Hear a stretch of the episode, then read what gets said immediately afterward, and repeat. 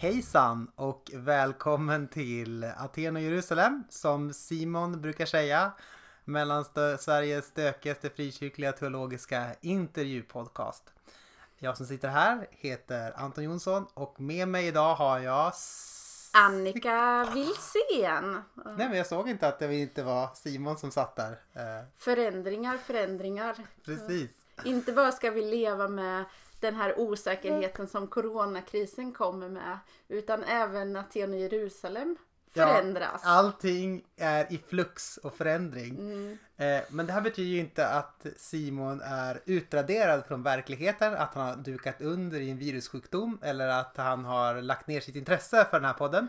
Det är bara det att vi har beslutat för att vi ska skapa en liten redaktion där flera personer ingår än vad som har varit fallet tidigare. Precis, precis. Så till exempel det här avsnittet klipps av Maja Ekström. Karin Lindahl. Ja, oh, just det. Hon har gift sig. Hon hette Ekström förut. Alla, alla, eh, ni känner henne som Maja Ekström, men hon har gift sig med sin kära, jag undrar om det är Zack eller om det är Zack. Grattis i alla fall Maja och Zack. Hon hade en väldigt så här mäktig eh, liksom, krona på sitt bröllopsfoto. Mm. Om vi får tillåtelse av, Maja så kan vi lägga ut den på Aten i Jerusalem. Eh, precis, så hon har klippt den här och sen så har vi också Viktor Alfons som ni känner lite som grann tidigare, ni som är idoga lyssnare som kommer vara med. Och Emanuel Strand är jag ganska säker på att han kommer vara med också. Han har också varit med en del förut. Precis, känd mm. som eh, preventivmedelsmannen som vi brukar... Motståndarmannen. Precis. Det har jag och Annika pratat om många gånger som är den sista medlemmen i redaktionen förutom jag och Simon då. Eh, hur skulle du presentera dig själv? Ja, det är väl dags för det. Vi har inte sagt förresten att det här är mars månads avsnitt. Nej, det har vi inte gjort. Det är Simon är den som brukar hålla koll på det forma formella formalian, liksom mm. hur man säger saker. Okay. Mm. Mm. Det är i alla fall mars månads avsnitt även om det kanske kommer ut i april. Ja, Vilket... gud bevara det här avsnittet så att det kommer ut snart. Japp. Ja. Eh, Annika Wilsén heter jag. Jag bor i Linköping. Jag är mamma till två barn. Efraim och Amos heter de. Och så är jag gift med en, min man som heter Josef. Och mm. ja, det är bra att jag är gift med min man och inte någon annan. eh, och sen är att du är gift med din man. Ja, precis. Mm. Mm. Och sen eh, är jag sjuksköterska till yrket. Eller ska vi kalla det hjälte? Ja, precis. Samhällsbärare. Ja. I dessa tider så känner man sig helt plötsligt eh, ja, viktigare än någonsin. Så. Mm. Har du hört någon som är ute och applåderar eh, en viss tid på dygnet? För det har jag hört på Facebook att man ska göra. Nej, det har jag nog inte. Ja, ja, ja. Vilka ska, ska man applådera vården? Eller? Man ska gå ut på balkongen och ska man applådera typ en minut eller något sånt där. Okej, okay, nej. Det har vi missat här. Men eh, hur som helst så eh, läser jag också teologi och håller på med min eh, C-uppsats just nu kan man säga. Så jag har läst teologi till och från i ganska många år. Eh, så det är lite om mig. Mm. Vill du veta något mer? Jag tror att vi ska lägga upp en liten eh, text där vi presenterar dig på mm. Aten och Jerusalem så att vi mm. kan, alla kan se mm. och begrunda. Mm. Eh, precis, så det blir nog eh, bra tror jag. Vad tänkte jag mer på? Har du några, något du har tänkt på på sistone? det är så, fyller perfekt Simons roll.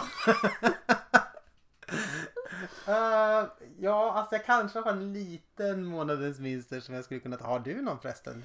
Eh, jag har kanske en eh, kommentar ja. på läget. Alla måste ju ha en kommentar på läget. Precis. Ja. Men ta din Perso först. Min, min, personliga kommentar är att det är en konspiration från Nordkorea. Okej, okay, ja. Vi får se om min kommentar... A great take. uh, nej men min kommentar är ju lite också i kristider, saker som jag funderar på. Det jag har tänkt på är att, som jag ofta irriterar mig på, det är att kyrkan ofta är lite grann, vad ska man säga, lite Bror Duktig i sådana här situationer när det blir en kris. Mm. Och man är inte Bror Duktig på något så kreativt eller liksom så spännande sätt. Utan ofta så är det bara att man typ rapar upp eh, samma saker som alla andra säger ungefär. Och så kanske man lägger till någonting med Gud är med oss eller något sånt där i slut, som en slutkläm. Jag, det jag tycker är ett problem då är att man så i så hög grad alltid bara är reaktiva i kyrkan. Alltså att vi alltid bara reagerar på saker som händer. Mm. Olika impulser, olika medieimpulser vi får. Och så sen så äh, säger vi ungefär det som alla andra säger ofta. Alltså det är klart man måste prata om att det är coronakris och att det är liksom äh, alla problem som associeras med det. Till exempel att vi inte kan ha gudstjänster. Ja men precis, ja, men det är sånt som man måste prata om. Det är bara så här att allting hela tiden verkar ta, verkar vara liksom en överraskning för oss typ. Så här, bara, Oj nu är det flyktingkris, vilken överraskning. Nu är det liksom eh, coronaepidemi, eller farsot som jag föredrar att kalla det. Uh, vilken överraskning. Och så bara, ah, vad ska vi säga om det här då? Mm, kyrkan måste ha ett respons på det här. Så googlar man lite grann så här och säger man, hmm, tvätta händerna. Verkar vara kyrkans respons. Vi säger... Du menar att vi skulle vara mer på något sätt från början ja. grundade så att dygderna gör att vi kan reagera instinktivt på ett sätt som är på något sätt förenligt med kyrkans eh, eh, ja, men, eh, vittnesbörd eller ja. eh, grundtro. Eller... Det var en väldigt bra Havar, eller liksom Hauerwas tolkning av vad jag skulle säga. Och det stämmer nog också. Men jag, det jag nog tänker framförallt är att eh, jag tror att ett problem är att vi har reducerat kristen tro till, eller särskilt kanske i våran del av kyrkan så är det viktigt att eh, man eh, med väckelse och sånt där, att folk ska tro på Jesus. Och så har man reducerat evangeliet för att så många som möjligt ska vara med liksom, på den här väckelsevisionen till typ ta emot Jesus i ditt hjärta eller något sånt där. Och så säger man det här är kärnan i kristen tro. Resten behöver vi inte fundera eller tänka så mycket på. Utan det får vi väl se. Vi, det, det får vi väl ta lite ad hoc kanske då. Mm. Och sen så blir det lite ad hoc och lite så här bara lite, lite stelt när man, där man ska säga någonting. Då säger man typ att tvätta händerna, var inte dum.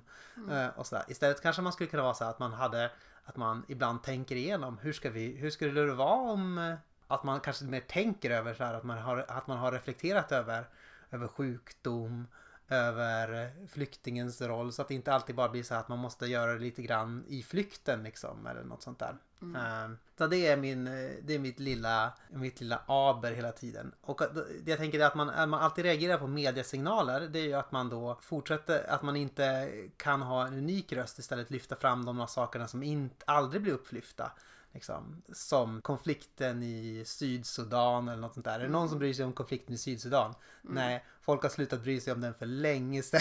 Oh slutade, och, men där, ska, där, och där, där i och för sig, där har IFK lite, lite att man liksom försöker lyfta det med jämna regler, med regelbundet. Men, men mm. generellt i kyrkan så struntar vi i det.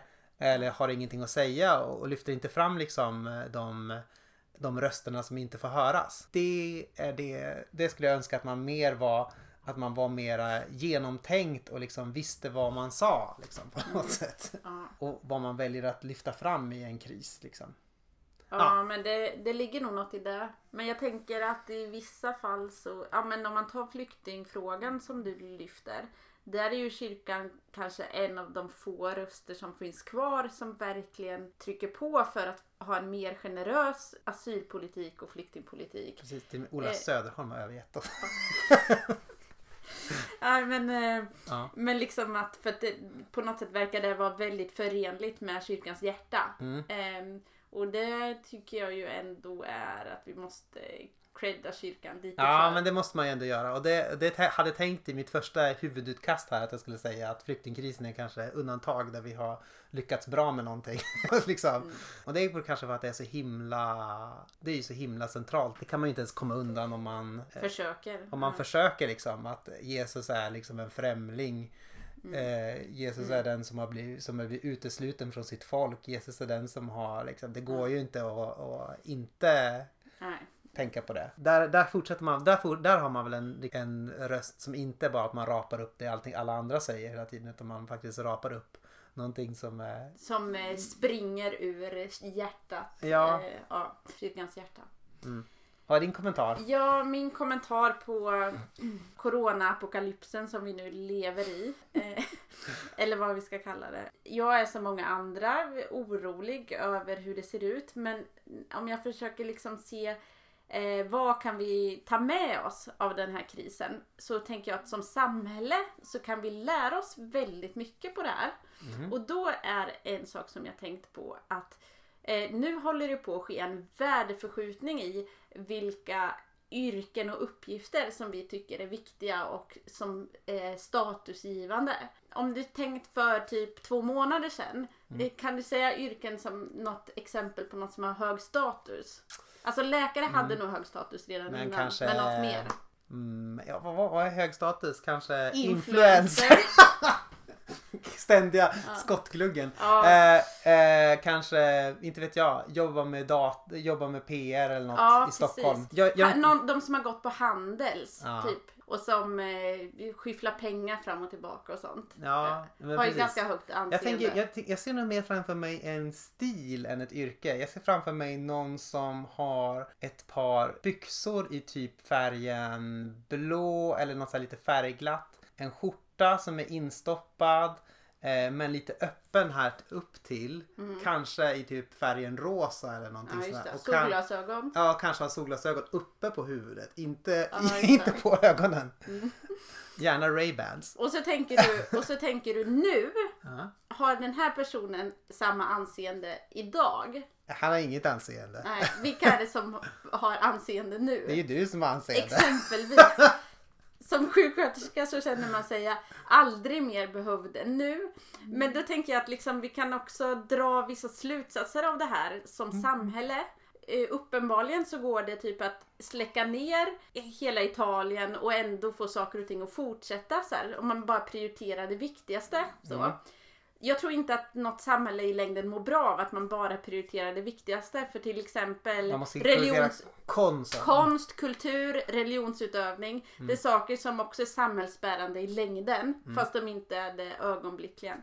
Men jag tänker ju att man kunde ta det här som en möjlighet att se vad vi som mänsklighet, vad vi behöver ägna vår tid åt. Och att mycket av det vi ägnar vår tid åt är helt eh, meningslöst egentligen. Och då menar jag inte vad jag ägnar min fritid åt. Utan jag tänker mer på vad vi jobbar med. Som vi lägger massa, massa tid på. Ehm, om vi alla jobbade, att alla fick jobba lite grann med något som var samhällsbärande och så fick man my- vara mycket mer ledig. Det tänker jag skulle vara liksom. Tänk om vi kunde få lite mer planekonomi och lite mer lite mer på något sätt fördelning av att göra det som är viktigt och, och ägna oss som samhälle li, lite mindre åt onödig eh, konsumtion och produktion. Medborgarlön typ. Ja, det går ju uppenbarligen att helt plötsligt ge massor av människor, eh, de som permitteras nu, att de får typ 80% av sin lön betald från staten.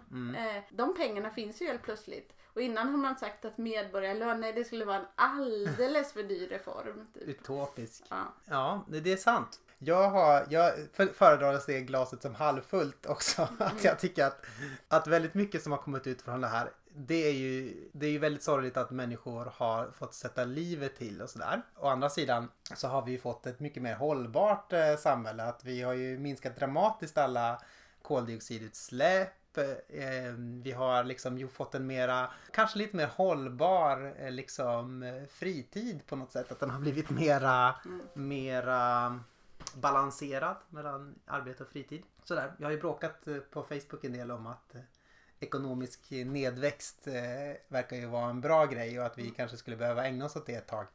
Eh, men Men det tror jag också. Men problemet här är väl att det kanske går lite för snabbt. Ja. Så. Eh, Och det måste ju följa med, nu blir vi så här, vi är väldigt politiska här. Mm. Det måste också följas, alltså om man kan inte bara ekonomisk nedväxt utan simultant med det så måste man ju ha en radikal omfördelning av resurser och makt liksom. Annars så blir, drabbar det ju bara de som är svaga och utsatta liksom. Då är det de i solglasögon och öppen skjorta som klarar sig bäst ändå fast de inte är samhällsbärande. Tror du Ja. att det är någon liksom, person som har typ nyliberala eh, åsikter som lyssnar på Aten och Jerusalem? Det måste känna sig så ansatt varje avsnitt. Ja men de är lätta, det är öppna mål eller? Ja, ja, precis. ja. ja. Men eh, dagens avsnitt Ja. Anton. Precis. Ja, det är ju då, det här var ju in, eller det här var faktiskt alldeles i början av coronakrisen. Så åkte jag till Mariannelunds folkhögskola och där pratade jag med eh, två personer inför en aula med eh, människor. Och det var, de två personerna var Maria Alriksson och eh, Kristina Nilsson. Kristina jobbar på Mariannelunds folkhögskola och Maria jobbar i Fjällstugan i Jönköping. Mm. Så hon är En pastor. kyrka. En pastor. Ja precis, det är inte en fa- faktisk fjällstuga som hon jobbar i. Ja. Eh, Shame on you alla som jobbar i fjällstugor på riktigt. Ja. Nu är det dags att lägga ner. Eh, precis. Eh, så att vi, vi pratar lite grann om det här med kroppen och, och liksom uteblivna helanden. Hur man ska göra med hur man ska tänka kring liksom svaghet och sånt där. Eh, Och det blir väl ganska passande nu när det liksom kommer ut i de här coronatiderna. När vi har, väl måste handskas med vår dödlighet för första gången på ett tag. Det tänker jag också. Ni kommer få höra Maria presenteras först och Kristina kommer presenteras först i andra delen av det ni kommer få höra. Men eh, eh, båda är med och pratar lite grann i början så det kan vara lite förvirrande. Precis, det kan vara lite förvirrande. Det blir nog bra. Och också, det, här, var- det var lite ja, det, var lite problem med ljudet igen. Eh, Alltså det var på det sättet att vi det som jag hade tänkt att plantera, alltså jag hade tänkt att liksom koppla ihop med ett ljudkort och köra via mixerbord och sådär. Men det blev ju så att eh, det, visade sig att det inte funkade med Mariannelunds eh, mixerbord och så alltså, vi fick spela in direkt på datorn. Så här. Men jag tycker att det är ganska, det är bra ljud. Det är bara att det är lite eko och att det är väldigt rumsigt. Så om ni, Det var helt okej. det var lite rumsligt. Hatar ni rumslighet så lyssna ändå. Då Eh, kör vi snart. Ja men Anna. det tycker jag. Vi drar igång. Spänner pilbågen, intervjupilbågen och fyrar iväg en pil av intervju. Snyggt. Metaforernas kung! Nu ger vi oss in i månadens avsnitt.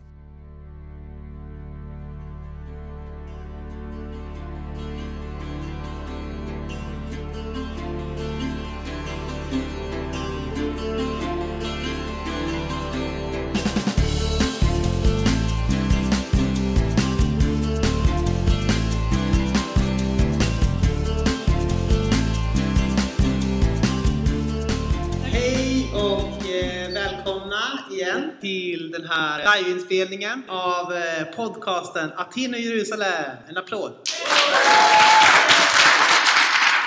Tack så mycket! Tack så mycket, det behövde ni verkligen inte. Uh, nu undrar jag, är det någon här som har lyssnat på Aten och Jerusalem någon gång? Förutom Emil? Det var det inte! Då hade jag, jag hade tänkt ge ut en så här, jag hade räknat med att det var en person som hade gjort det. Så jag hade tagit med mig en extra t-shirt. Men då får Emil den. Varsågod Emil! Och eh, med oss idag har vi ingen mindre än Kristina Nilsson och Maria Alriksson. Jag vet ju, alla, alla vet ju kanske egentligen vem du är som jag sitter här inne. Men om det är någon, det kanske finns någon lyssnare ute i landet som inte vet vem Maria Alriksson är. Det finns nog många. Så om du skulle liksom förklara, vem är Maria Alriksson? Vad skulle du säga då? Det går att ta sig an det här från olika håll. Ja, men vem är jag? Jag är smålänning sedan några år tillbaka, uppväxt av västgöte annars. Eh, Jag är 43 år. Jag har en man och en dotter. Jag arbetar som pastor sedan ganska länge tillbaka. Ja, själavårdslärare. Det låter bra. Vilket är ditt bästa partytrick? Och kan du visa det för de som sitter här? Ja, nej. ja, nej, men mitt partytrick är nog vad, vad den jag är. Det, Aha. ja. Just det det. kanske inte kanske är svårast, utan det, det, det tror jag som vinner i längden. Ja. Just det. Nu har vi pratat lite grann om det här med, med den brustna kroppen här, för de som har suttit och lyssnat till Marianne Lund.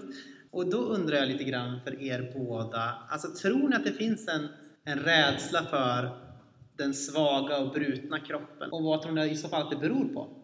Ja, men det tror jag absolut att det finns en rädsla. Ja, och ytterst så, som vi har varit inne på så handlar det säkert om någon slags dödsångest, en rädsla för det okända, det brutna, det är något man inte känner igen. Man har bilder av vad det skulle kunna innebära, och så skapas det mycket fantasier och orosmoln liksom. Ja, det är något som hotar, och det blir jobbigt. Det skapar mycket rädslor. Men sen, eh, och sen tänker jag att samhället eh, hjälper oss ju inte att, att uppmuntra det brutna och sådär, utan snarare får vi bilden av att vi ska vara perfekta, vi ska vara snygga, vi ska vara hela, vi ska kunna saker och ting och sådär. Och då, då får vi också en rädsla såklart för att vi, bilden är någonting annat. Och så finns det ju också den här reella rädslan av att, så här, att man också kan bli begränsad då, att man inte kan göra det man vill kanske liksom, i att man har en brustenhet eller sådär. Så det, det finns en rädsla, det tänker jag. Mm. Och jag tänker precis som du säger att vi är dåligt rustade för det, Bibeln säger ju själv, lär oss hur få våra dagar är som vill vårt hjärta vishet i Psaltaren. Eh, att leva med det att det finns en begränsad tid här och de gamla själavårdarna, kyrkofäderna och de andra, de avslutar ju typ med att för övrigt ska vi alla dö en dag. Det var liksom hälsningsfrasen, vi ses. Det finns ju också så klassiskt i Göteborg, jag vet inte vilken, begra vilken eh, begravningsplats det är, men då står det Tänk på döden när man går in liksom i, på, på begravningsplatsen. Ja, men lite så när man annonserar möten för längre sedan om Herren vill eh, och, och liksom sådär. Va? Om Herren dröjer och vi får leva. Jag tänker på det du sa där eh, Kristina, och, och med, med samhällets bilder och så här. Det finns en koreansk filosofi, filosof.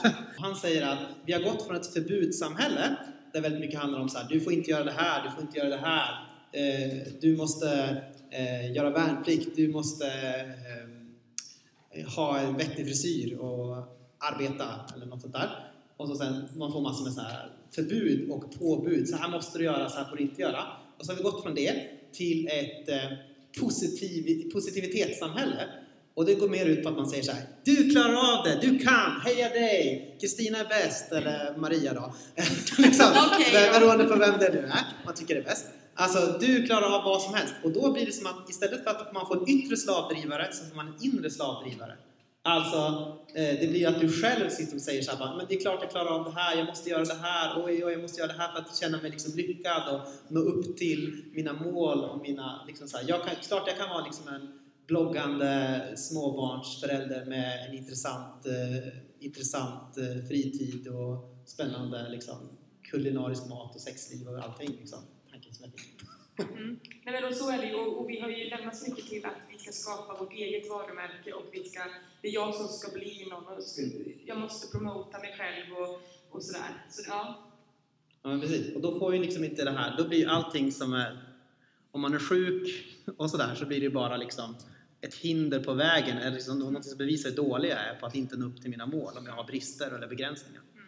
Ja, men jag tänker också i detta att det, vuxenvärlden har ju någonstans abdikerat.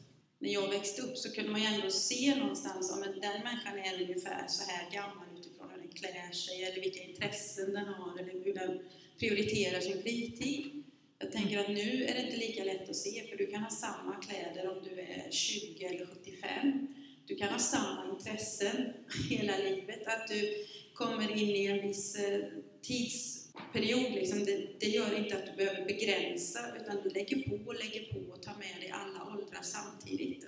Ja, så vi är inte så goda exempel heller, tänker jag, i att livet På att skala av liksom, Ja, eller på att men- begränsa oss. Nej men så, de som har levt länge är inte alltid de godaste exemplen. Eh, det finns många också, men jag tänker att det har ändrat sig lite över tid. Den här hetsen och, och rädslorna har tagit över i alla åldrar på något sätt. Du och jag Maria, vi har ju någonting gemensamt och det är att vi är pastorer med reumatiska sjukdomar. Så kan man också säga det. Ja. Eh, så. Eh, vad är det för sjukdom du bär på och hur påverkar det din vardag? Mm. Det finns ju nästan mellan 80 och 100 olika reumatiska varianter. Mm. Min variant heter Stills sjukdom då. Jag är en utav de lite mer ovanligare. Eh, men det är en reumatisk sjukdom som slår mot kroppen då. Man är sin egen fiende i sitt eget system. Jag har inte ont i en led utan det kan ändra sig. Eh, jag har haft den här sjukdomen sedan jag var 11 år. Så att jag vet ju inte riktigt hur det är att inte leva med en kronisk sjukdom. Samtidigt så är jag väldigt förskonad förstår jag. Pratar jag med reumatologen så är jag ganska lindrigt sjuk.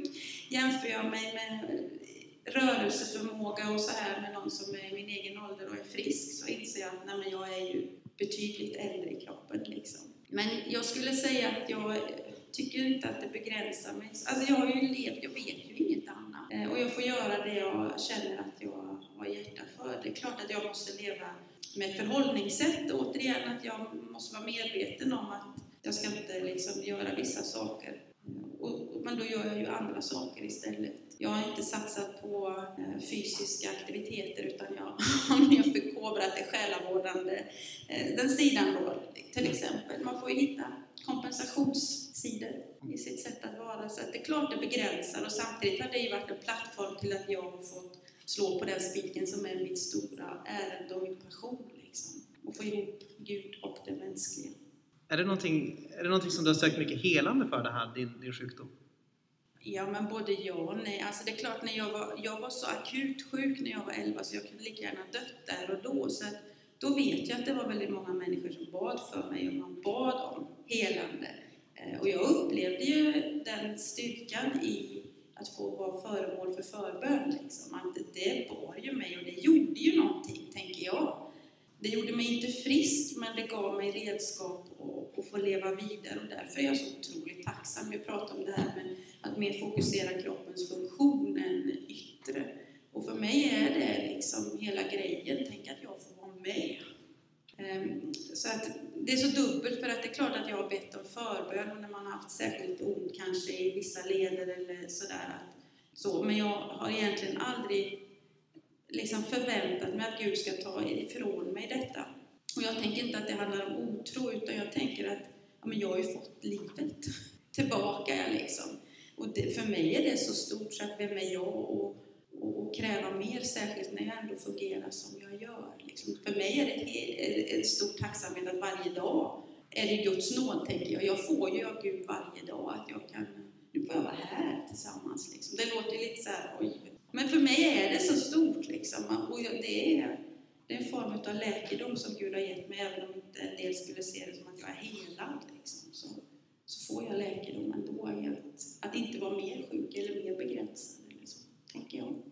Så när jag ber om förbön så är det oftast inte för min sjukdom, utan då kan det vara andra saker. Det är mer andra som liksom tänker att man är sjuk, att då är det väl det du ska be bort. Finns det någonting du har lärt dig om Gud just genom att du har burit liksom den här svagheten liksom genom livet eller den här sjukdomen, tror du? Svårt ja, att veta i och för sig. Ja, det är svårt att veta. Ja, fast Nej, men jag, jag är uppväxt i ett kristet hem, så för mig har Gud alltid varit en verklighet och en personlig vän, liksom, sen jag, innan jag blev sjuk. Eh, så på något sätt så har det ju bara bekräftats efter jag blev sjuk att ja, men Gud är ju den som jag har fått lära mig att han är. Han går med, han vänder sig inte bort ifrån den som är sjuk. Han ser inte det som något föraktfullt eller syndigt, utan han ser och han hjälper mig. Och jag har inte svårt att, att se och tro att Gud gör under här och nu, eller, alltså så. Men, men för mig är det stora att han är barmhärtig och trofast. Liksom. Mm.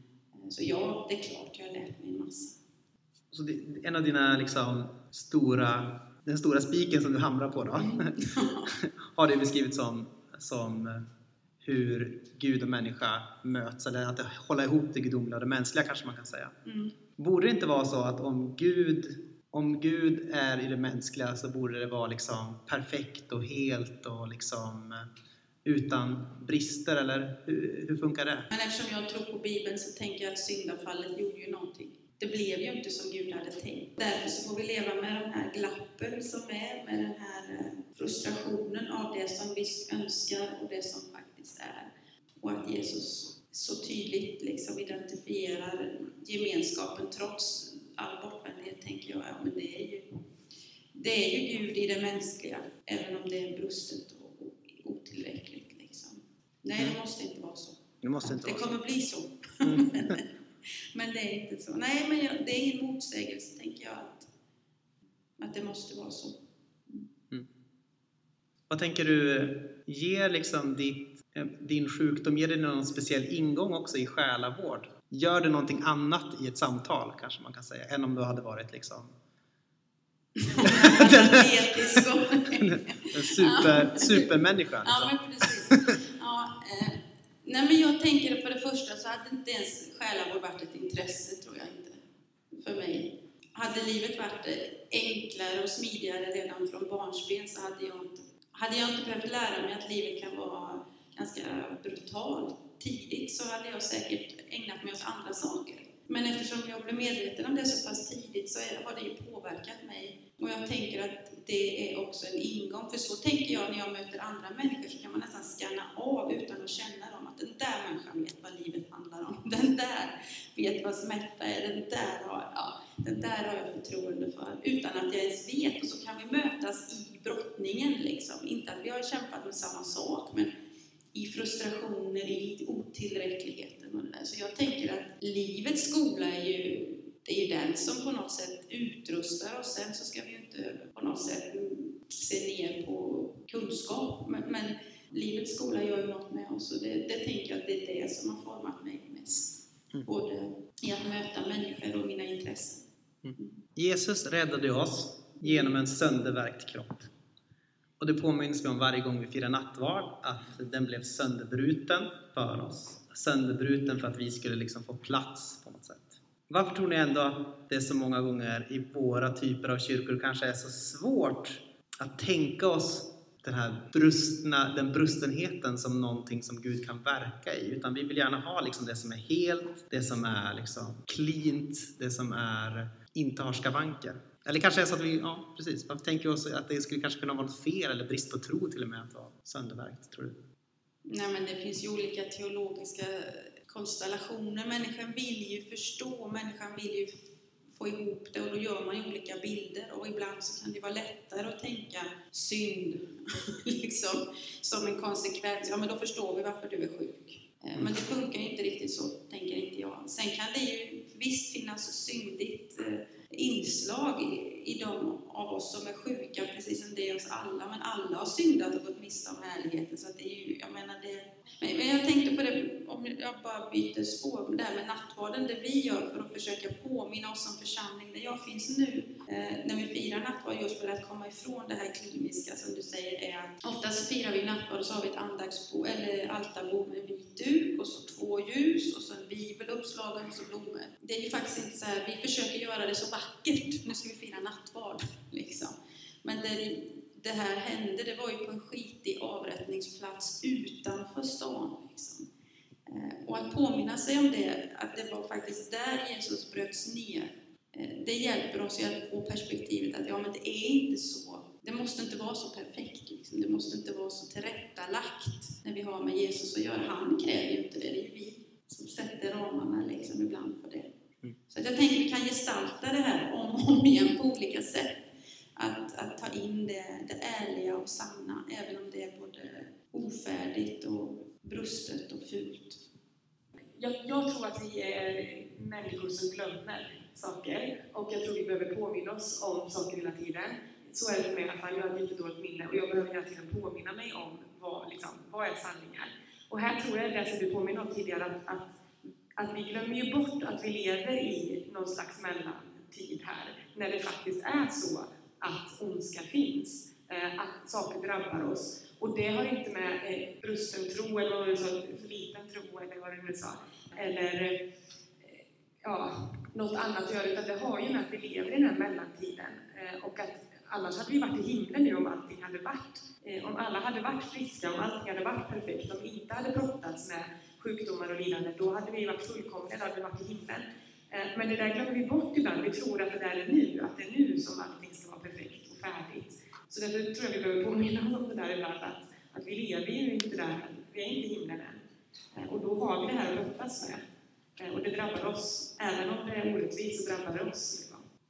Men jag tänker på det, på det du säger, det här med gestalta tron på något sätt. Alltså, jag tänker i vissa personer så blir ju Jesus, för mig i alla fall, extra tydlig och liksom synlig. Tänker jag ganska bibliskt också. Ta mig till föredöme, som jag tar Kristus som föredöme, säger Paulus. Och en av de här personerna som jag tänker på ibland, det är en, en, en kvinna som heter Alvi som bodde, var med i vår församling, som var liksom så här, en reumatisk liten tant som hade så här, satt i rullstol och så hade hon väldigt så här, krokiga, liksom, så här, inåtböjda fingrar för att hon hade liksom, haft den här sjukdomen så länge. Och, så och Det fanns någonting i det, liksom, hur hon bemötte andra människor och hur hon liksom, trots liksom, sin svaghet inte blev bitter eller arg eller, ja det kanske var ibland men eh, oftast inte i alla fall. Utan liksom på något sätt ändå hade ett så stort hopp till Gud, en sån stor liksom, riktning mot Gud. Det var någonting så här, i det tror jag som, som påminde mig ganska mycket om Jesus, som fick liksom bli en bild av mig för Jesus. Liksom. Att just det här att kunna bära smärtan på ett trofast sätt, ett mot Gud trofast sätt. Jag tänker, har ni någon sån person i ert liv? Eller så? Mm, jag tänker att det finns många så. Och det är väl den där Kristusdoften liksom. Att det, ja, men det, men det märks på människor vem man umgås med. Liksom. Det som finns på insidan. På något sätt påverkar vår yttre hållning. Så det, ja, det finns, finns många. Och så, och, ja, ja, men jag tänker för min egen del, när jag tittar på vilka människor jag har som förebilder, så är det ju oftast de som inte har levt så enkla liv, precis som du säger, utan det har varit ganska mycket av det ena och det andra, men de har hållit fast. Så att ja, utan att nämna någon enskild, så, så jag håller helt med att det finns. Definitivt. Ja, jag håller bara med. jag kommer inte på något direkt så. Även fast jag känner igen det. Men jag undrar Anton, om jag får fråga dig en fråga? Okej okay, då. Ja. Eh, du sa att du också hade en reumatisk sjukdom. Ja. Eh, vill du dela med om vad det är för sjukdom och hur du har tänkt? Liksom, om det ja, det, ja, precis. Det kan jag försöka göra. Det heter systemisk skleros. Det fick jag när jag var 23. Eller då upptäcktes i alla fall. Det innebär egentligen att, eh, att lungorna eller att bindväven runt lungorna blir liksom förtjockad och kring andra organ också, men framförallt runt lungorna. Så det gjorde att jag fick liksom svårare att andas, hade ingen uthållighet eller kondition, eller trött och liksom lätt utmattad och sådär. Eh, och det visade sig vara en sån här eh, sjukdom. Då. Och då, eh, när jag, när jag var 23, så sa de att det här är en allvarlig sjukdom. Det skulle kanske kunna vara typ en ja, om man kollar på internet i alla fall ska man inte göra om man får sjukdom. Men om man gör det så står det typ så här, prognos, 10 års överlevnad eller något sånt där. Eh, så det skulle innebära att jag dör om tre år i så fall. Men det kommer jag inte göra med största sannolikhet för att jag liksom har, det fungerar väldigt bra med medicin, medicinering och med eh, liksom, eh, behandling av olika slag. Så att jag är ganska, ganska frisk på många sätt. Men det liksom är som en sorts bakgrundsbrus kan man säga i hela tiden. Som hela tiden finns kvar liksom, som en latent sjukdom. Så det är inte något som är borta, men inte heller något som påverkar mig speciellt mycket just nu. Kan man säga. Och, och hur har du tänkt då om helande och att leva med här och Gud? Ja, men jag har nog tänkt att eh, vad har jag tänkt någonting? Istället blir jag nollställd. Ja, men jag har nog tänkt att det, det som har varit viktigast för mig är kanske inte att bli hel eller, eller totalt frisk eller något sånt där. Det kunde vara, kunna vara trevligt om jag blev det. Men det som var det viktigaste är hur ska jag kunna använda den tiden som jag har oavsett hur långt, den, hur långt det är till att ära Gud, till att leva värdigt på något sätt. Det var, det var nog den viktigaste inriktningen för mig hela tiden. så att ja, men Mitt öde är på något sätt i Guds händer. Så här, om någon vill be för mig absolut att jag ska bli frisk så brukar inte jag så här säga nej, utan det går bra. Men det är inte, liksom, det är inte min tro och mitt liv, eller det, det som är liksom värt något i mitt liv är inte avhängigt på att jag blir frisk. Det är inte liksom beroende av att jag skulle bli frisk. Utan det, det finns ett annat värde. Och också så här, när jag, när jag blev sjuk då, så, det, som jag citerade tidigare från en film, så att när du accepterar att inte överleva till varje pris så strömmar ett nytt ljus in i ditt liv. Och det innebär, för mig så, det är väldigt olika hur man reagerar på sjukdom. Så här. Men för mig så var det liksom som att Gud blev närmre och att jag fick en större akut kanske känsla av att, av att vilja följa Gud, att liksom vilja leva i Jesu närhet. Så, så det är snarare liksom den effekten det hade på mig. Och det är liksom hur man väljer att ta emot sin sjukdom. Kan, man kan bli, eh, och det är liksom rimligt att man blir det ibland också, att man kan bli inåtvänd, man kan, liksom, man kan tycka synd om sig själv ett tag och sådär. Men eh, det finns andra sätt också som, som vi lär oss av kristen tro att kunna ta emot en sjukdom. Och där är vi tillbaka till det som vi sa här innan, att att vår brustenhet, våra svagheter kan bli ett medel för Gud, eller liksom kan, kan vara ett sätt där han talar till oss och där vi växer. Eh, I svagheten är styrkan som störst, liksom som Paulus pratar om där. Det är ju faktiskt helt fantastiskt hur det kan vara med sjukdomar, och lidande och svårigheter och brustenhet. Att det kan Gud verkligen använda till någonting fantastiskt. Ja.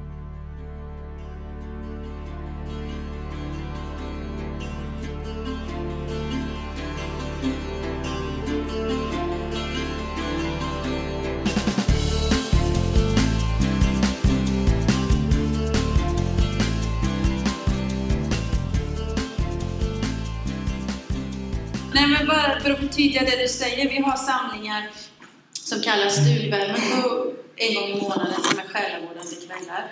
Där vi har just de här lite tuffare ämnena med när Gud inte svarar på bön och eh, nu sist hade vi oro. Och det är ju ett sånt där ämne som ja, är, är jobbigt. Och då, den gången så kom det ju betydligt fler än vad det har gjort de andra gångerna. Vilket också tänker jag är det här att det är en styrka när vi erkänner att, att vi, vi, vi är oroliga också. Men vad har vi för redskap? Jo, men vi har ändå en Gud. För till vem ska vi gå om inte till Gud? Men vi kan också vara oroliga. Att, äh, även om vi inte kanske helt och fullt, även om vi är kristna, känner att oj vad härligt jag ska bli att dö en dag. Så kan vi någonstans leva med det perspektivet och under tiden ändå lyfta fram de här svagheterna eller livets brustenhet som vi pratar om idag. Ja, jag har inte att tillägga. Vad bra. Vi, vi låtsas ju som att döden inte finns ju, lite i vår kultur. Eller lite det du var inne på, vi klär oss yngre och vi kör antirynkräm och vi, ja, vi lever ju längre också men vi, vi låtsas ju som att döden inte finns. Så den, om den skulle finnas så är det det värsta som kan hända när någon dör. Så att jag tror säkert att det är så att det är mer igen fara eller rädsla att, att inte få vara med eller inte kunna delta eller så här, än just döden. Ja, men och i den, den här ångestdämpningen, det är då vi också, eftersom kroppen är vi, det är då vi tar till de här redskapen när vi börjar eh, gå emot kroppen eller på olika sätt uttrycka med kroppen vårt mående. Liksom. Så lika väl som vi kan bli väldigt ytliga så kan vi ju bli väldigt föraktfulla mot vår kropp och, och strunta i den. Liksom. Det är ju också ett sätt att, att katalysera sitt mående. Så kroppen gestaltar oss ju liksom, den är ju vi. Det finns ju en viss, eh, man kan tänka också att man är rädd för en social död. På det sättet att om man blir, om man inte är rätt liksom, så blir man så gott som död i sociala sammanhang. Liksom. Så det är inte värd, det är inte värd någonting. Precis. Så. Mm.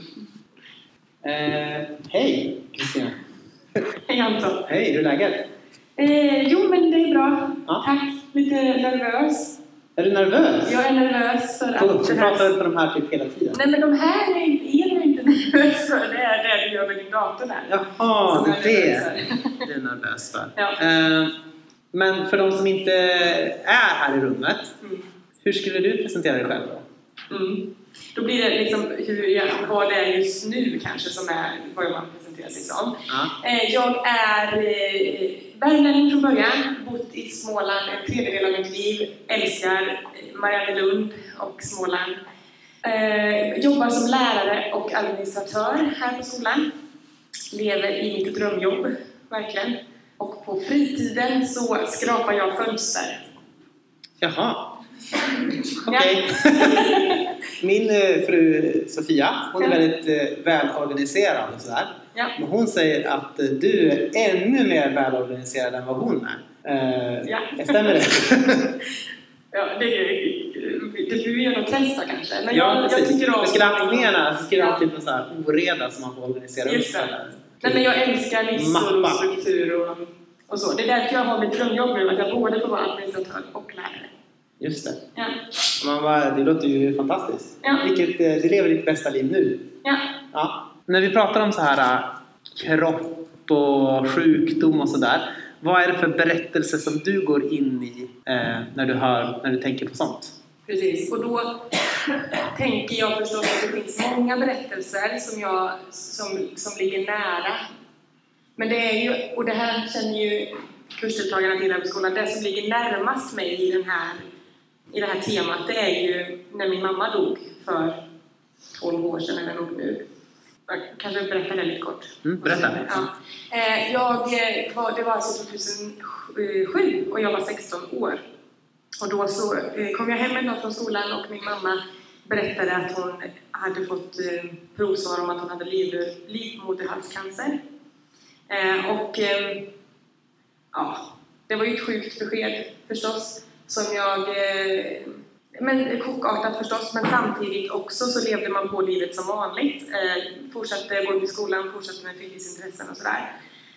Dagarna gick och sådär och hon, eh, hon opererades och blev eh, delvis bra igen. Liksom. Det var det som var så härligt med den här historien och varför som det också gick att leva på, antar jag. För att det var liksom en, man, man körde på det dagliga livet och, och, och allt gick väl. Liksom. Hon var på handlingar och sådär. Och hon repade sig och liksom började jobba igen och det var, det var bra. Liksom. Tills en dag när hon eh, började spy igen då. Och, eh, ja, lång historia. Men, men eh, när hon hade gjort den här operationen så hade hennes tarm också blivit lite tagen eller vad man ska säga. Så att hon, eh, ja, kroppen började helt enkelt att fallera liksom, eller sådär successivt. Och eh, sen började en lång historia av liksom, sjukhusvistelser eh, Vistelser och eh, många detaljer liksom. men, men det slutade med att, att hon eh, inte klarade det utan att hon dog då i mars 2008 eh, efter en tid där vi också då, jag är kristen, och, eller ja, det förstår ni att jag är, jag är uppväxt i ett kristet hem också. Eh, så då så, eh, vi hade bett mycket för det här och, och många bad för det här liksom. Men ändå så klarade hon det inte och läkarna kunde liksom inte. Hon dog av någon hjärtinfarkt eller någonting i slutet för att kroppen var så nedsatt efter alla operationer och, och, och svagheter och sådär. Så det blir ju liksom den här berättelsen, så även om det är 12 år sedan, även om det är jättelänge sedan, så är det ju alltid den här, den här har ju påverkat mig jättemycket, den här erfarenheten och berättelsen. Eh, och ligger mig ju väldigt nära, även om det är så länge sedan. Ibland brukar man ju höra människor säger saker som allting har en mening. Fanns det en mening med att din mamma dog i, dog i den här sjukdomen då? Eller dog i sviten av sin cancer? Fram till den erfarenheten och under den perioden när hon dog så trodde jag det. Liksom. Jag, är, jag, har, eh, jag har tänkt så i mitt liv, att allting har en mening, att allting sker av en orsak. Och det hade gått ganska bra att tänka så fram till dess. Och det var ganska skönt att tänka så fram till dess. Att så här, det är tryggt att känna att allting har en mening och att så här, okej okay, nu händer det där. Man kanske inte fick bli tillsammans med den pojke man, eller den som man var intresserad av. Okej, okay, men det fanns det någon mening med det och så ni vet, så man har tänkt så hela tiden. Eh, men fram till den här erfarenheten, eller efter den här erfarenheten så fick jag, det blev en krock för mig att så här, det här som var så mycket lidande och, och det som följde under sjukdomsperioden och det som följde efter när jag mådde så dåligt och hela den här händelsen som bara var så hemsk liksom, så fick jag omvärdera det här och ehm, började liksom jobba med det där som jag hade tänkt innan och kände att nej, jag tror inte att allt har en mening. Jag tror inte det längre.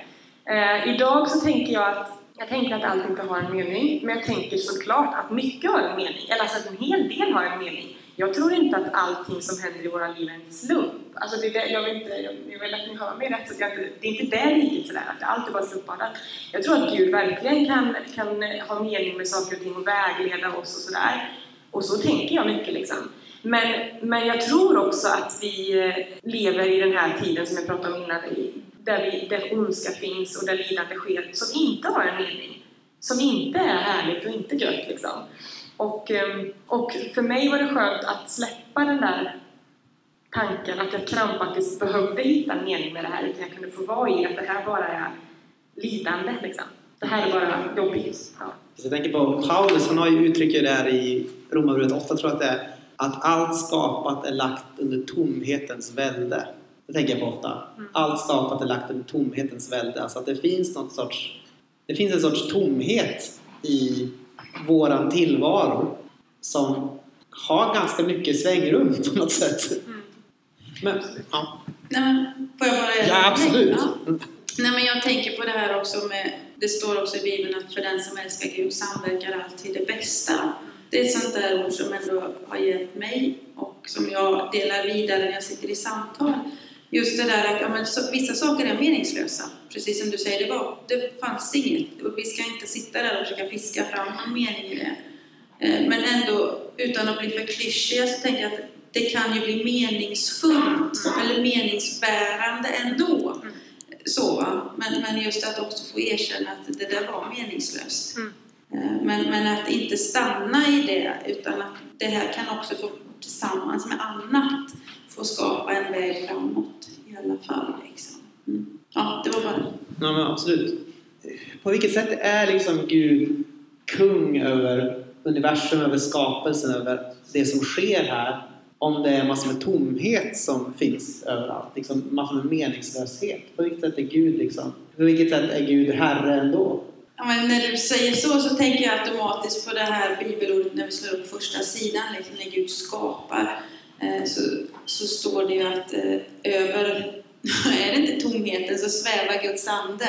Precis. Jorden var öde och tom Ja, och över vattnet svävade. Svävade Guds ande. Och det är, där, det är också en sån här bild som jag har med mig i mötet med, med mig själv i tuffa, tomma tider. Men också med, med tomheten liksom. Så? Överallt finns Guds himmel liksom. Allt som skapar, eller ja, allt som, som är liksom är ändå lagt under Guds himmel. Och där finns hoppet. Även om det är tomhet många gånger, brustenhet. Så finns det en ram och det är Guds himmel. Har du något att fylla i på det eller? jag tycker det är bra. Eh, Men jag kommer ju alltid till den här bilden liksom, om, om mellanrummet för att det är min förklaringsmodell av allting. Liksom. Och, och att Gud, Jesus har gjort allt, han har all makt, han har vunnit över döden och ondskan på korset. Men vi är ju inte i den fullkomningen. Alltså, tredje gången jag kommer tillbaka till det, men det är för att det är min liksom, förklaring på det hela. Liksom. Så det är klart han är kung, han är herre över allting. En dag, han, liksom, han har segrat och det kommer, att, kommer vi se fulländat. Liksom. Och han är ju också kung över våra liv eh, under den här tiden, om vi väljer, väljer att göra det. Eller väljer att ge oss till honom. Mm. Vissa har sagt att det som är värst, det som är det värsta liksom att gå igenom, det är inte liksom en smärta som man kan förstå har en mening. Utan det värsta är liksom det som man uppfattar som ett meningslöst lidande. Liksom, som man inte kan se något syfte eller något mål bakom. Eller sådär. Håller du med om det eller, eller liksom, måste, måste man forcera in en mening därför? Liksom? Precis. Och, och spontant så tänker jag ju så, eller alltså spontant vill man ju svara så att, att det är skönt när det finns en mening med saker. Det är tryggt liksom. Och, då kan man liksom få, ja men, ja, det blir liksom inte lika tungt, det blir inte lika sorgset om jag kan hitta en mening i det. Typ så. Därför så kanske jag vill söka en mening i det. Mm. Men å andra sidan så kan det verkligen bli krampaktigt och tungt att försöka hitta en mening i det som är fullkomligt lidande och fullkomligt jättejobbigt och bara hemskt. Liksom. Och då kan jag nog istället känna att vad skönt att jag inte behöver det. Vad skönt att jag bara kan få känna att det här, det här var hemskt. Det här var inte kul. Gud, liksom, jag tror att Gud gråter med oss. Eh, vi har ju flera ställen i, i, i Nya Testamentet där Jesus, eller dels när hans vän Lazarus har dött så faller han ju i gråt till exempel. Eh, Men det finns andra tillfällen när han liksom känner medlidande med människor. Eh, Det står att han fylls av medlidande. Alltså jag, jag, jag tror ju att vi har en Gud som gråter med oss när vi går in i svårigheter. Liksom istället för att så här, vänta lite nu så ska du se att det snart en mening med det här. Alltså, du kommer snart upptäcka det. Eh, Och för mig är det då så, eller det har varit så skönt att få bara landa att nej, det här är bara hemskt och Gud gråter med mig i det här. Och att det är istället skönt, en befrielse. Mm. Jag tog med mig en liten bok idag. Wow. Ja. Det här är min... eh, Jag är så här lite scrapbooking, ni vet. Så så när min mamma dog så gjorde jag ett fotoalbum liksom. Men det här är egentligen det här är inget offentligt album men det här är lite hjärta här som jag håller i liksom. Men jag tog ändå med den för jag har klistrat in en teckning i den här som, som jag ville visa er och jag kunde liksom inte dra ut den så därför fick jag ändå ta med hela albumet. Och jag har visat den här för några av er innan också. Men det här är, det här är en 8-9-årig kille som heter Erik. Och han har lärt mig bland det viktigaste i mitt liv. Liksom. Han, när, jag, när mamma dog så var jag eh, barnledare i kyrkan eh, för lågstadiebarn. Och eh, den tisdagen, eller vad det nu var, när jag inte var på Gott och blandat, som det hette, den här kyrkverksamheten, då så, min medledare var väldigt gullig och liksom såg till att barnen skrev brev till mig då. Han berättade vad som hade hänt och, och då, ja, jag fick jättefina teckningar och brev av de här. Och så fick jag det här av Erik, 8-9 år någonstans, som har varit det bästa, det, mitt viktigaste liksom, så här, hållhake i hela den här historien. Och då står det så här då, en grön fin lapp. Det står Synd att din mamma dog, sånt händer. Från Erik Björn Kram. Okej, jag läser igen. Synd att din mamma dog, sånt händer. Från Erik Björnkram. Och hade det här varit en vuxen så hade man säkert liksom gett den en, vad heter det? Örfil. Så, kan man inte säga. Man kan inte säga ja, ja, sånt händer. Kom igen. Men det här är det viktigaste jag har. Liksom. Alltså, han ser, han, han, han har sån klokskap, vet att livet är så här. Det är jättesynd att din mamma dog Kristina, det är helt fruktansvärt. Men det är också livet, det är sånt som händer. Det är liksom, vi, vi föds, vi dör, vi gläds, vi sörjer. Och du behöver inte hitta en mening i det, typ, vill jag tolka i det här då. Utan det är bara sånt som händer, det är en del av livet. Och, ja, så det är mitt svar på frågan på något sätt. att så här, Måste vi inte hitta en mening i allt? Jag tror inte det. Jag tror att det kan vara skönt att bara få säga nej, det är jättetungt, det är jättesorgset, men så är det. Ja. Absolut. Och jag tänker att ibland så finns det också den här bilden av Gud som slåss på något sätt med kaosmakterna eh, i Bibeln. Liksom att han slåss mot det som är liksom kaos, oordning, meningslöshet på något sätt. Att det, är, ja, men det är kanske också ett sorts hopp man får ha. Liksom, att, ja, det är inte så att allting som sker sker av en mening men liksom, Gud är på något sätt igång och kämpar mot det som är meningslöst i tillvaron. Liksom. Eh, hur har din tro på Gud påverkats av att din mamma dog? Har den blivit starkare, svagare eller bara annorlunda? Mm. Och då svarar jag hur det är för mig förstås, för här har vi olika erfarenheter vad, här, vad sånt här gör med oss. Eh, för mig har ju eh, tron varit mitt ankare. Liksom. Och det är ju... För mig, för mig har det varit helt fantastiskt att ha tron i det här. Det är det som... Ibland pratar man om att så här, är det jag som måste bära tron genom det här? Är det liksom, ska jag behöva ta på det som en ryggsäck och försöka förklara det här? Liksom? Att det är jag som måste bära tron. Men för mig har det varit tvärtom då, att det är tron som har burit mig. Jag vet att jag eh, satt i min säng någon kväll och tänkte liksom, men vad är det värt att leva för? Liksom? Jag orkar inte, jag mådde väldigt dåligt efter det här. Jag var ganska knäckt liksom. Vad är det värt att leva? Vad är, varför ska jag fortsätta kämpa? Men så kom ändå nästa tanke, så här, men jo men för att Jesus lever och därför är det värt att kämpa. Och det här låter ju jättelyckligt och det var ju inte så lätt som det låter men, men för mig var Jesus allt under den här tiden. Det var det som gjorde att jag orkade fortsätta, för att jag mådde väldigt dåligt. Och jag, eh, ja, men jag, jag låg på kvällarna och lyssnade på min MP3 som det var på den tiden, eh, på Kirk Franklin väldigt mycket. Och, och det bara liksom, jag tuggade, matade mig med liksom sanningar om liksom hur trofast Gud är. Jag, de sånger jag älskade mest var ju de här Livet är jättehemskt och åh vad, mycket vi går igenom liksom. Men Gud är trofast. Och det var det som, eh, det är så som jag ser på Gud. Gud har varit så trofast och så god genom det här. Så för mig har den förändrats. Har den blivit annorlunda, starkare, svagare? Svårt att säga. Det här är väldigt stråk. Det här är väldigt tydligt stråk i min tro. Liksom. Den här erfarenheten.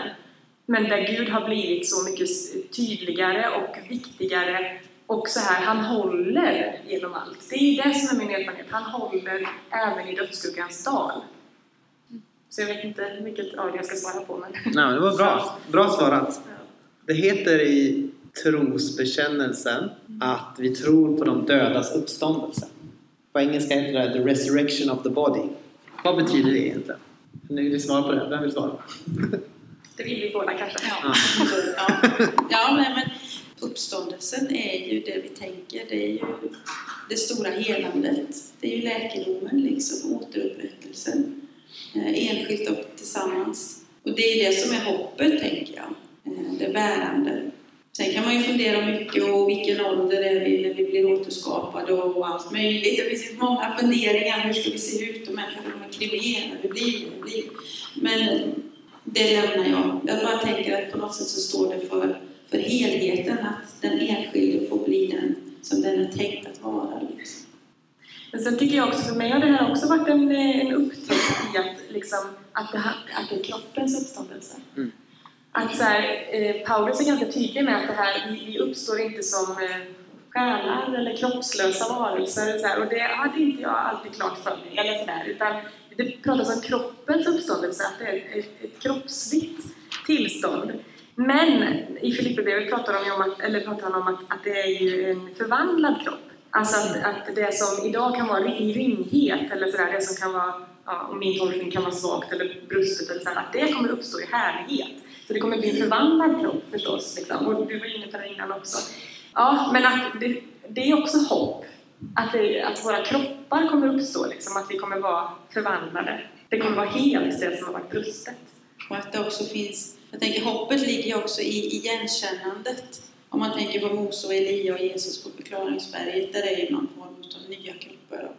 Så, ja, men det där att man ändå känner igen och man, man eh, Ja, ett återseende där tänker jag, det är också ett hopp. Dels att kroppen i, i sig själv, men om vi går med Gud så, så kan vi också förvänta oss att vi får mötas igen liksom, i, i den stora kroppen liksom, på något sätt. Mm. Jag tänker också på något sätt ibland att ja, men Jesus har ju sår kvar när han uppstår. Alltså det finns någonting, det finns ett sår man kan känna på i sidan, det finns sår man kan känna på i händerna. Så på något sätt så är det ju att det finns någon sorts eh, samhörighet med det som vi har varit och det vi har varit med om och det vi ska bli. Men det är på något sätt också som att det här som är svaghet och man kanske inte ser någon, inte tycker det är så fint eller märkvärdigt nu, det på något sätt blir någonting vackert kanske man kan säga. Alltså att Jesus sår går från att vara hemska, mm. någonting som bara vittnar om hur hemskt det är att dö under romarriket till att bli någonting vackert. Till att bli någonting, och så kanske också för oss att någonting med det som är så svagt eller som vi inte tycker om speciellt mycket, det är det som kommer också vara mm. speciellt härligt på något sätt i, när vi uppstår. Mm. Ja, men och jag tänker också det här att det som är ett sår här kanske som varar och liksom gör ont, det har också läkts. Mm. För när Jesus liksom uppstår, eller vad man ska säga, det här, om man tänker de här såren, det är ju inte så att de blöder på det sättet, utan de, de, det, är integrerat, det är en del utav vem han är och vad han har gått igenom och vad han har gjort på samma sätt som vi. Här har våra sår som fläks upp, men, men i himlen så finns det med, för det är ju en del av oss. Men det är mer ärrbildningar liksom, som vittnar om vem jag är, mer än att det är det som styr mig. Liksom. Mm. Just det. För där är vi också inne på det här att alltså, allting har inte en mening, men allt kan få en mening. Och att, eh, att Gud är suverän på att gör, ta det som kan vara svårt i våra liv till att göra något gott av det. Och, och därför kan jag då idag säga att jag skulle, inte vilja, jag skulle vilja vara utan händelsen att min mamma dog, men inte utan erfarenheten. Och det är det liksom, du pratar om där också, att på något sätt, det här gör ju någonting med oss. Och jag har ju blivit den jag är idag, på, eller inte bara på grund av det, men som, som en del av det här. Så det är också, vem, vem är jag om inte jag hade gått igenom det här? Alltså det är ju ett stråk av mig, eller det är en del av mig. Så jag håller med. Finns, jag kommer att tänka på det bibelordet. Yes, eh, Paulus pratar egentligen om, om församlingskroppen. Man säger de delarna som vi skäms över omger vi med så mycket mer eh, ära på något sätt. Det kanske är också så att det som eh, liksom, har varit svagt eller som vi skäms för är också det som kommer att vara särskilt ärat på något sätt i uppståndelsekroppen. Mm. Det är inte så ofta man pratar om uppståndelsekroppen, eller hur? Nej, men det är så, precis. Det är inte ofta. Nej. Nej.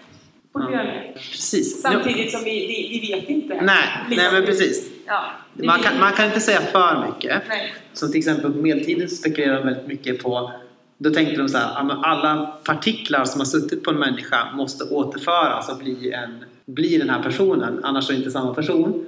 Och då tänkte de så här, men hur gör man då med människor som har blivit uppätna av kannibaler?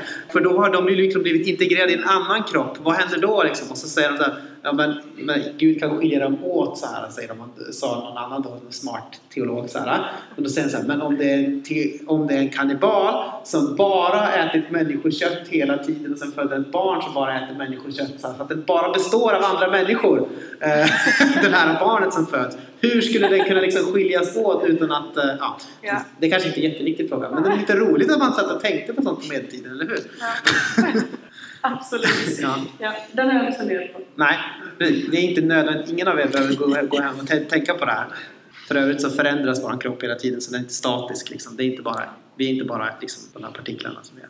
Ah, ja, hur som helst. Vi har två, två frågor som jag brukar ställa till folk som är med på vår podd. Och den första är, vem är Jesus? Vem vill börja? Maria? Jesus är, ja men han är världens frälsare skulle jag säga. Ja. Han är världens frälsare. Jag tänker att det räcker. Det är både det historiska, att han eh, har funnits och eh, ja, att han är verksam fortfarande. Det, ja, för mig är det jättestort att han är frälsare.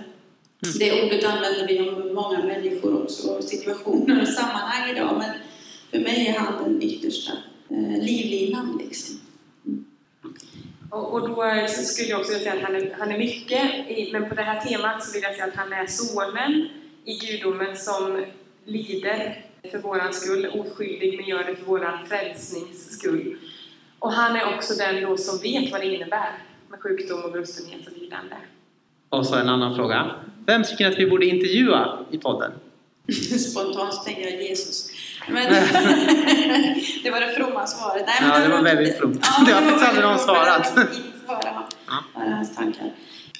Kristina, Jag kan ta det det så så länge du ska. Ja. Ja, jag, jag lyssnar på Sektpodden nu. Just det. Gör du det? Nej, tyvärr. Jag är den enda som inte gör det. Okej. Ja. Men då är, det, då är det faktiskt klockrent, för jag tycker ni ska intervjua Emma Genbeck och eh, Rigmor Robert som gör den här podden. Ja, just det. Jättespännande podd. Eh, det hade varit kul va?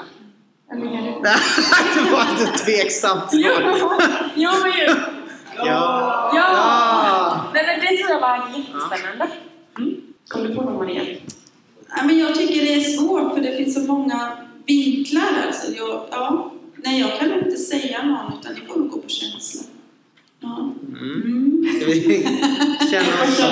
Känner känner jag. Nu är det mycket du- corona liksom. Jag tänker någon eh, smittskydds... Alltså det här, ja, vad är rädsla? Vad ska, hur fungerar människor och kontra. Ja, jag vet inte men... Mm. Just det. Det skulle jag. WHOs, eh, vad, heter det för? Ordförande? Kanske. En person. Ja. WHO kanske. Ja, precis. Men tack så mycket! Vad roligt att eh, ni var med här och eh, blev intervjuade. Tack kul att ni har lyssnat också, ni sitter här. Ja, ni ska ha Applåd till er! Ja, verkligen.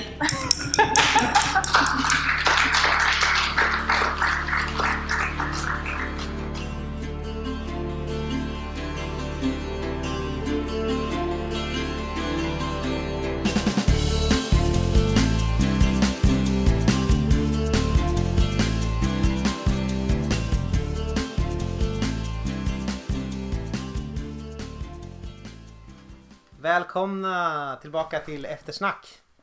Välkomna. Mm. Kul att ni hängt med ända hit. Du, du var, var ju inte med och samtalade. Mm. Liksom, du, var inte det, du var inte där fysiskt. Nej, jag var inte där och Du samtalade. var, du var inte ens där Ja. mentalt. Nej, men jag har lyssnat. Ja. Jag tycker det var jätteintressant att få höra på er. Någonting som liksom eh, slog mig är att ett ovanligt eh, personligt anslag i det här avsnittet. Just det. Mm. Även du får liksom träda fram lite och berätta om saker du har varit med om och så. Ja, precis. Jag är jättedålig på att prata om mig själv. Eh, men jag försökte väl bjuda till lite här i alla fall. Så att, eh, jag hoppas att det var liksom tillräckligt, tillräckligt utlämnande. Ja, jag tänkte på, det var ett avsnitt för inte så länge sedan när ni pratade om prövning. Ja, Mikael Alenius va? ja. Ja i alla fall. Att då hade liksom både du och Simon svårt att få fram någonting egentligen. "Ja, har ni inte varit med om något? Och sen, sen visade det sig ju att du, du har ju fått liksom en dödsdom på dig. Jag bara, kommer inte tänka på det när man börjar prata om prövning. Prövning, prövning. nej! Jo men sen sa du något annat. Men, Men det, det var inte en så stor prövning för min tro Nej. att få en dödsdom över mig. och jag Eh, tänkte det sen att det, ja. Det beror på hur man tar emot en sjukdom, tänker jag. Mm. Men för min del så var det nog snarare trosstärkande på något eh, konstigt sätt. Ja, men det säger jag väl där också, att det drev mig nog närmare eh, Gud eller så här ett sökande efter Gud. Eh, eller Mm. ett, i alla fall ett upplevelse av Guds närvaro tydligare. Eh, Det känns som att ni alla tre delar någorlunda den upplevelsen. ja, Av att liksom konstigt. Ja, det kanske inte är så konstigt så för att ni sitter alla där också i, i, i positioner av ja, men, no, eh, pastorskap eller ledarskap och sådär. Och Mm. jag tänker att det är kanske lättare att hamna där om man också har på något sätt eh, den typ av mogna tro som man får när eh, om tron bär genom svårigheter eller lidanden. Mm. Jo men det är väl lite så. Och ehm, det, det är väl de man, man kanske inte hör ifrån är väl de som blev knäckta av upplevelsen då för att de eh, kanske inte finns kvar i kyrkan på samma sätt heller. Ja men det, det tänker jag också att det är, det är nog så. Alltså det bästa är ju om man, om man utsätts för den här typen av lidande, li, eget kroppsligt lidande eller förlust som är ju egentligen den ni pratar om. Om man kan inkorporera det i liksom, eh, och integrera det i den tron man hade innan Mm. och, och att det växer. Men jag tror att så är det nog inte för alla. Att Mm. tron växer av det.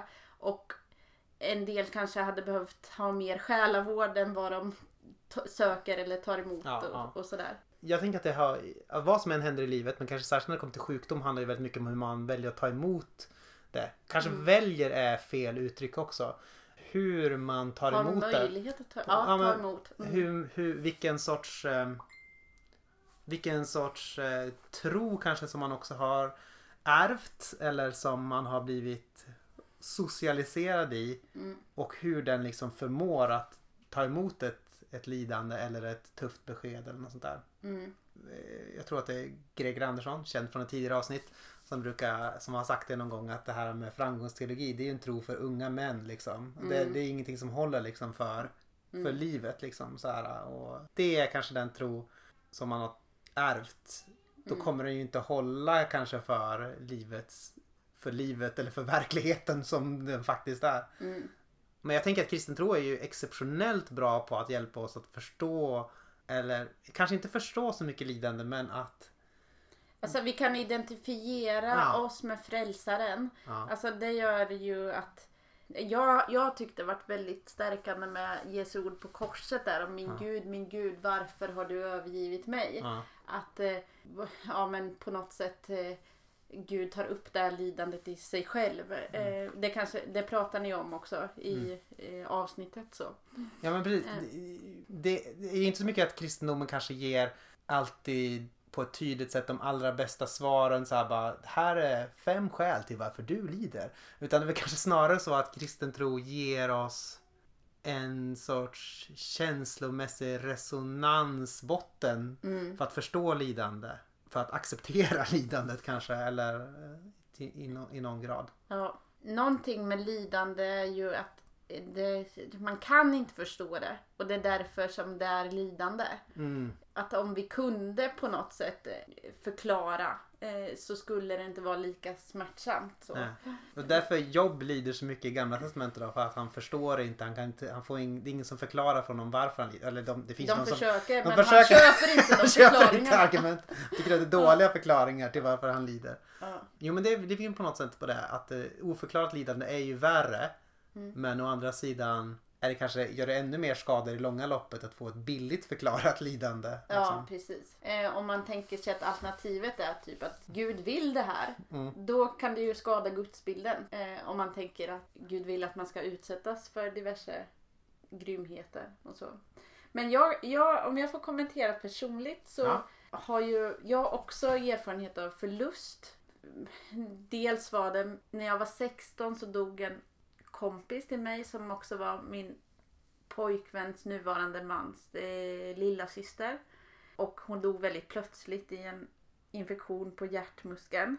Och då var det, det var ett väldigt tydligt, blev ett väldigt tydligt brott i min tro på det sättet att innan hade jag haft en eh, väldigt, som jag ser det nu, så väldigt glättig tro som var ganska mycket happy clappy. Och det gick liksom inte riktigt att fortsätta med. Ehm, så. Men jag fick en större troskris efter att min pappa dog som var eh, när jag var 22. Så det var ju sex år senare då. Mm. Och han dog också plötsligt och i en, i en hjärtinfarkt och han låg ett tag på intensiven. Och det var just den där upplevelsen av att ja, men jag upplevde som att Gud höll honom där i sin hand på intensiven. Och när pappa började tillfriskna så var det att jag verkligen tackade Gud för att liksom det gick bättre. Och sen dog han väldigt plötsligt. Efter det så kan man säga att å ena sidan så kunde jag känna det här att Gud fanns nära och, och grät med mig när jag grät. Men å andra sidan har jag eh, liksom under lång tid efteråt haft svårt att be Gud om saker. Och det är inte så att jag har på något sätt tänkt att Gud inte bryr sig. Men det är svårt att, jag har svårt att tro att Gud, jag, jag har jättesvårt för att be att någon ska bli frisk från en förkylning till exempel. Men eh, jag vet inte, jag vet inte vad, vad jag vill säga med det, men att det inte är så enkelt kanske som att jag gick igenom det starkare och eh, alla erfarenheter lär, eh, av mig för mig närmare Gud. Och det, eller det har fört mig närmare Gud på ett sätt men också gjort vissa saker svårare. Så, mm. Precis, det har ändå lämnat någon sorts reva Ja, kan man säga. ja. I tron eller sådär. Mm. Mm. Nej, men det är ju eh, Det är ju liksom en eh, svår sak just den när man upplever att det just har blivit liksom att det är en förändring att någonting har blivit bättre och så tänker man så här, Gud har hört våra böner och sen så liksom rycks det undan liksom så. Ja. Eh, Det, jag tycker att det var bland det mest smärtsamma att först få hopp tillbaka och sen rycks det ifrån en. Så, mm. Och det, det där tänker jag är väldigt intressant det här med bön, alltså begärande bön eller vad man ska säga, att man begär någonting av Gud. Mm. Jag ber också ganska lite begärande böner faktiskt. Mm. Att jag säger så här, Gud du måste göra det här eller, ja, eller ödmjukare då. Gud var snäll och gör det här. Ja. utan, utan det är ganska mycket att jag bara ber Gud om Gud liksom. Sådär. Och ibland har jag tänkt på det. Är det här någon sorts, eh, är det, är det egentligen bara bra eller är det, är det också en sorts reva i min tro på något sätt? Att jag ber framförallt Gud om Gud och inte litar på eller att jag inte ber så mycket om mitt dagliga bröd då eller om, Mm. om Mm. sådana saker. Mm. Ja, för att liksom en väg för mig lite tillbaka, eller vad man ska säga, har varit liksom den här mer, kan man säga, kontemplativa bönen. Mm. Att en bön, alltså med Jesus meditationer och sådana saker som på något sätt hjälper mig att finnas i Guds närvaro utan att det handlar om att begära någonting. Mm. Men som sagt, det kan ju vara någonting som finns kvar att eh, återerövra på något sätt. Mm. Alltså bön som handlar om att vi vill att Gud ska göra något också. Ja, Mm. nej men precis. Alltså, å ena sidan så finns det här att man bara ber Gud om att utföra saker. Så Mm. du ber Gud som en sorts godisautomat eller något sånt där. Mm. Kosmisk godisautomat. Men å andra sidan, eh, det finns väl ändå, det finns ju någonting med det här med att faktiskt be om saker eller något sånt där. Eller Ja men, jo, men att det, och det finns ju i Bibeln också Ja. och allt vad ni ber om i mitt namn ska ni få. Ja men precis och att det är liksom eh, Det är ändå också en så här rimlig del i att eh, ha någon sorts relation med någon som faktiskt kan förändra saker. Att man kanske frågar om saker ibland. Ja precis och kommer fram med sina önskningar. Ja. Mm. För det är ju också en del av en själv som helhet. Så, ja. Mm. Men sen är frågan hur mycket man kan... Det, det går ju verkligen att träna sig på att oftare be Gud om saker. Men hur mycket kan man begära att man ska verkligen tro att det här ska hända? Mm. Det tänker jag är, det är svårt att begära av människor som är brända på olika Nej sätt. men det, det, Mm. det tänker jag, alltså det är ganska ointressant tänker jag att folk ska tro Mm. vad det de ber om. Mm. Eh, och det säger jag dels utifrån att jag tänker att vad handlar tro om i Bibeln? Och då brukar jag alltid säga Hebre- Hebreerbrevet 11, trons hjältar eller vad man ska säga. Då är det massor med personer uppradade från gamla testamentet. Då typ i tro byggde Noa en ark, i tro drog eh, Abraham ut ur ur, i tro byggde, eh, levde de i tält, i Mm. tro så vägrade Mose att ta emot undervisning i, i, ja, från, från egyptiska kunskapen liksom så här. Nej, det gjorde han inte. I tro vägrade han att, att räknas som, eh, som, som faraos dotters son. Okej. Ja, Mm. men i alla fall, det är alltid kopplat till ett verb. Mm. Till, tron är alltid kopplat till ett verb, alltså ett Mm. göra. Att det är någonting man gör egentligen. Ja. Eh, att- och, och här kommer då poängen då. Alltså tron är kopplad till ett verb och det innebär att det har inte att göra med mental säkerhet i lika hög grad tänker jag. Mm. Så här, tron uttrycks genom att Abraham går ut ur ur. Ja. Tron uttrycks genom att Noa bygger en ark. Tron uttrycks genom att de bor i tält. Mm. Och sen när man kollar på de här faktiska historierna då, det är inte som att vi har mental säkerhet är liksom den viktigaste komponenten där. Utan Abraham liksom, säljer, sin fru, alltid så. säljer sin fru till, som konkubin till två olika kungar. Eh, Mose är väldigt osäker på sin, eller liksom säger att skicka någon annan gud. Det här är ett misstag. Eh, och folket, som det står, i tro drog folket genom Röda havet. Ja men det, precis innan så säger de typ så här bara Vi vill tillbaka till Egypten. Du är dum i huvudet, varför har du utsatt oss för det här? varför drog, tog du med oss hit? Alltså det, säger- det sker precis innan de går igenom. Och då är det inte så här som att mental säkerhet är det. Utan det är akten av att de faktiskt gör sig själv tillgängliga för det Gud vill göra. Som Ja. är tron. Så då tänker jag så här, och för att komma då tillbaka. Alltså är det intressant att en person är mentalt säker på att den ska få det den ber om av Gud? Ja, i inte så hög grad tror jag. Utan jag tänker att tro väldigt mycket har att göra med att tro är att du ber till Gud. Ja. Så i det här fallet så tron uttrycks i, i bön. Mm. Man kan också säga att det verkar åt andra hållet. Att bönen stärker våran tro på något sätt. Alltså den Ja. handling som... Eller tron är samma sak som att göra sig tillgänglig för Gud. Ja. Och, det gör du, och du gör dig tillgänglig Gud när du ber, för Ja. Gud när du ber. Mm. Undrar om det här gör några old school lutheraner arga. Mm. Det är väl inga som lyssnar som vill tro på Luther här. Nej, men det tror jag är take home message. Ja. Tänkte du på något mer eller någon... Jag tycker att det är bra det här som, som har blivit. Ja. Däremot så kan det vara värt att påminna sig om lite olika saker. Till exempel att ni kan mejla oss om ni har några frågor eller synpunkter på Aten och Jerusalem ett gmail.com Och, Du eh, sjunga? Mm, Jag tänker inte sjunga just. Kommentera gärna avsnittet. Mm. Följ oss på Facebook. Facebook. Twitter kan man göra också. Kan prenumerera Och dela. och dela. Det vore jättekul om ni delade ett avsnitt. Att ni, ni behöver inte säga så här bara, jag håller med om exakt allting. Utan ni kan säga så här bara, wow, det här var ett intressant perspektiv på saker. Mm. Eller något. Gör, ni kan göra lite non-committal så att ni inte så här, ja, det kan ni göra i alla fall. Det vore kul. Eller säg till en kompis. Aten och Jerusalem, nu med Annika Wilsén. Passa på att lyssna. Hjälten! Hjälten för vårt land. Har du hört den låten? Raul, en hjälte för vårt land. Nej. Det är Carola som sjunger. Det är en gammal så här, Livets ordsång. När de hade, de hade massor med så här, profetior om att Raul Wallenberg skulle komma tillbaka. Oj, oj, oj. Ja. Och då eh, sjöng de en så här, hyllningssång till Raul Wallenberg. Den är Ja. jättekul. Den går så.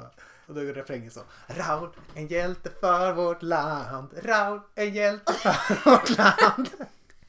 Raul, Raul skulle känna sig så, så välkommen. Ja, verkligen. Kan ni Vad synd att han inte dök upp. Det kan ni när, ni när eran eh, sjuksköterskekompis, maka, make, sambo, vad kan det mer finnas som man har för något relation till en mm, Pojk eller flickvän. pojke eller flickvän? Mamma, pappa, En person syster. som har på sig en, en sån här sjuksköterskedräkt, en scrub och Mm. en liten skylt där det står sjuksköterska eller undersköterska. Hoppa fram till dem och sjung så här. Deras namn. Eh, till En exempel hjälte. Annika, en hjälte för vårt land. Annika. Eh, och det är viktigt att ni viftar eh, på era pekfingrar upp och ner för det gjorde jag just nu när jag sjöng till Ja, Annika. det. Mm. Det var Det var ett väldigt konstigt avslut på den här podden men vi säger väl eh, tack för oss. Eh, Vi ses och hörs. Mm. Det gör vi. Adjö. Adjö.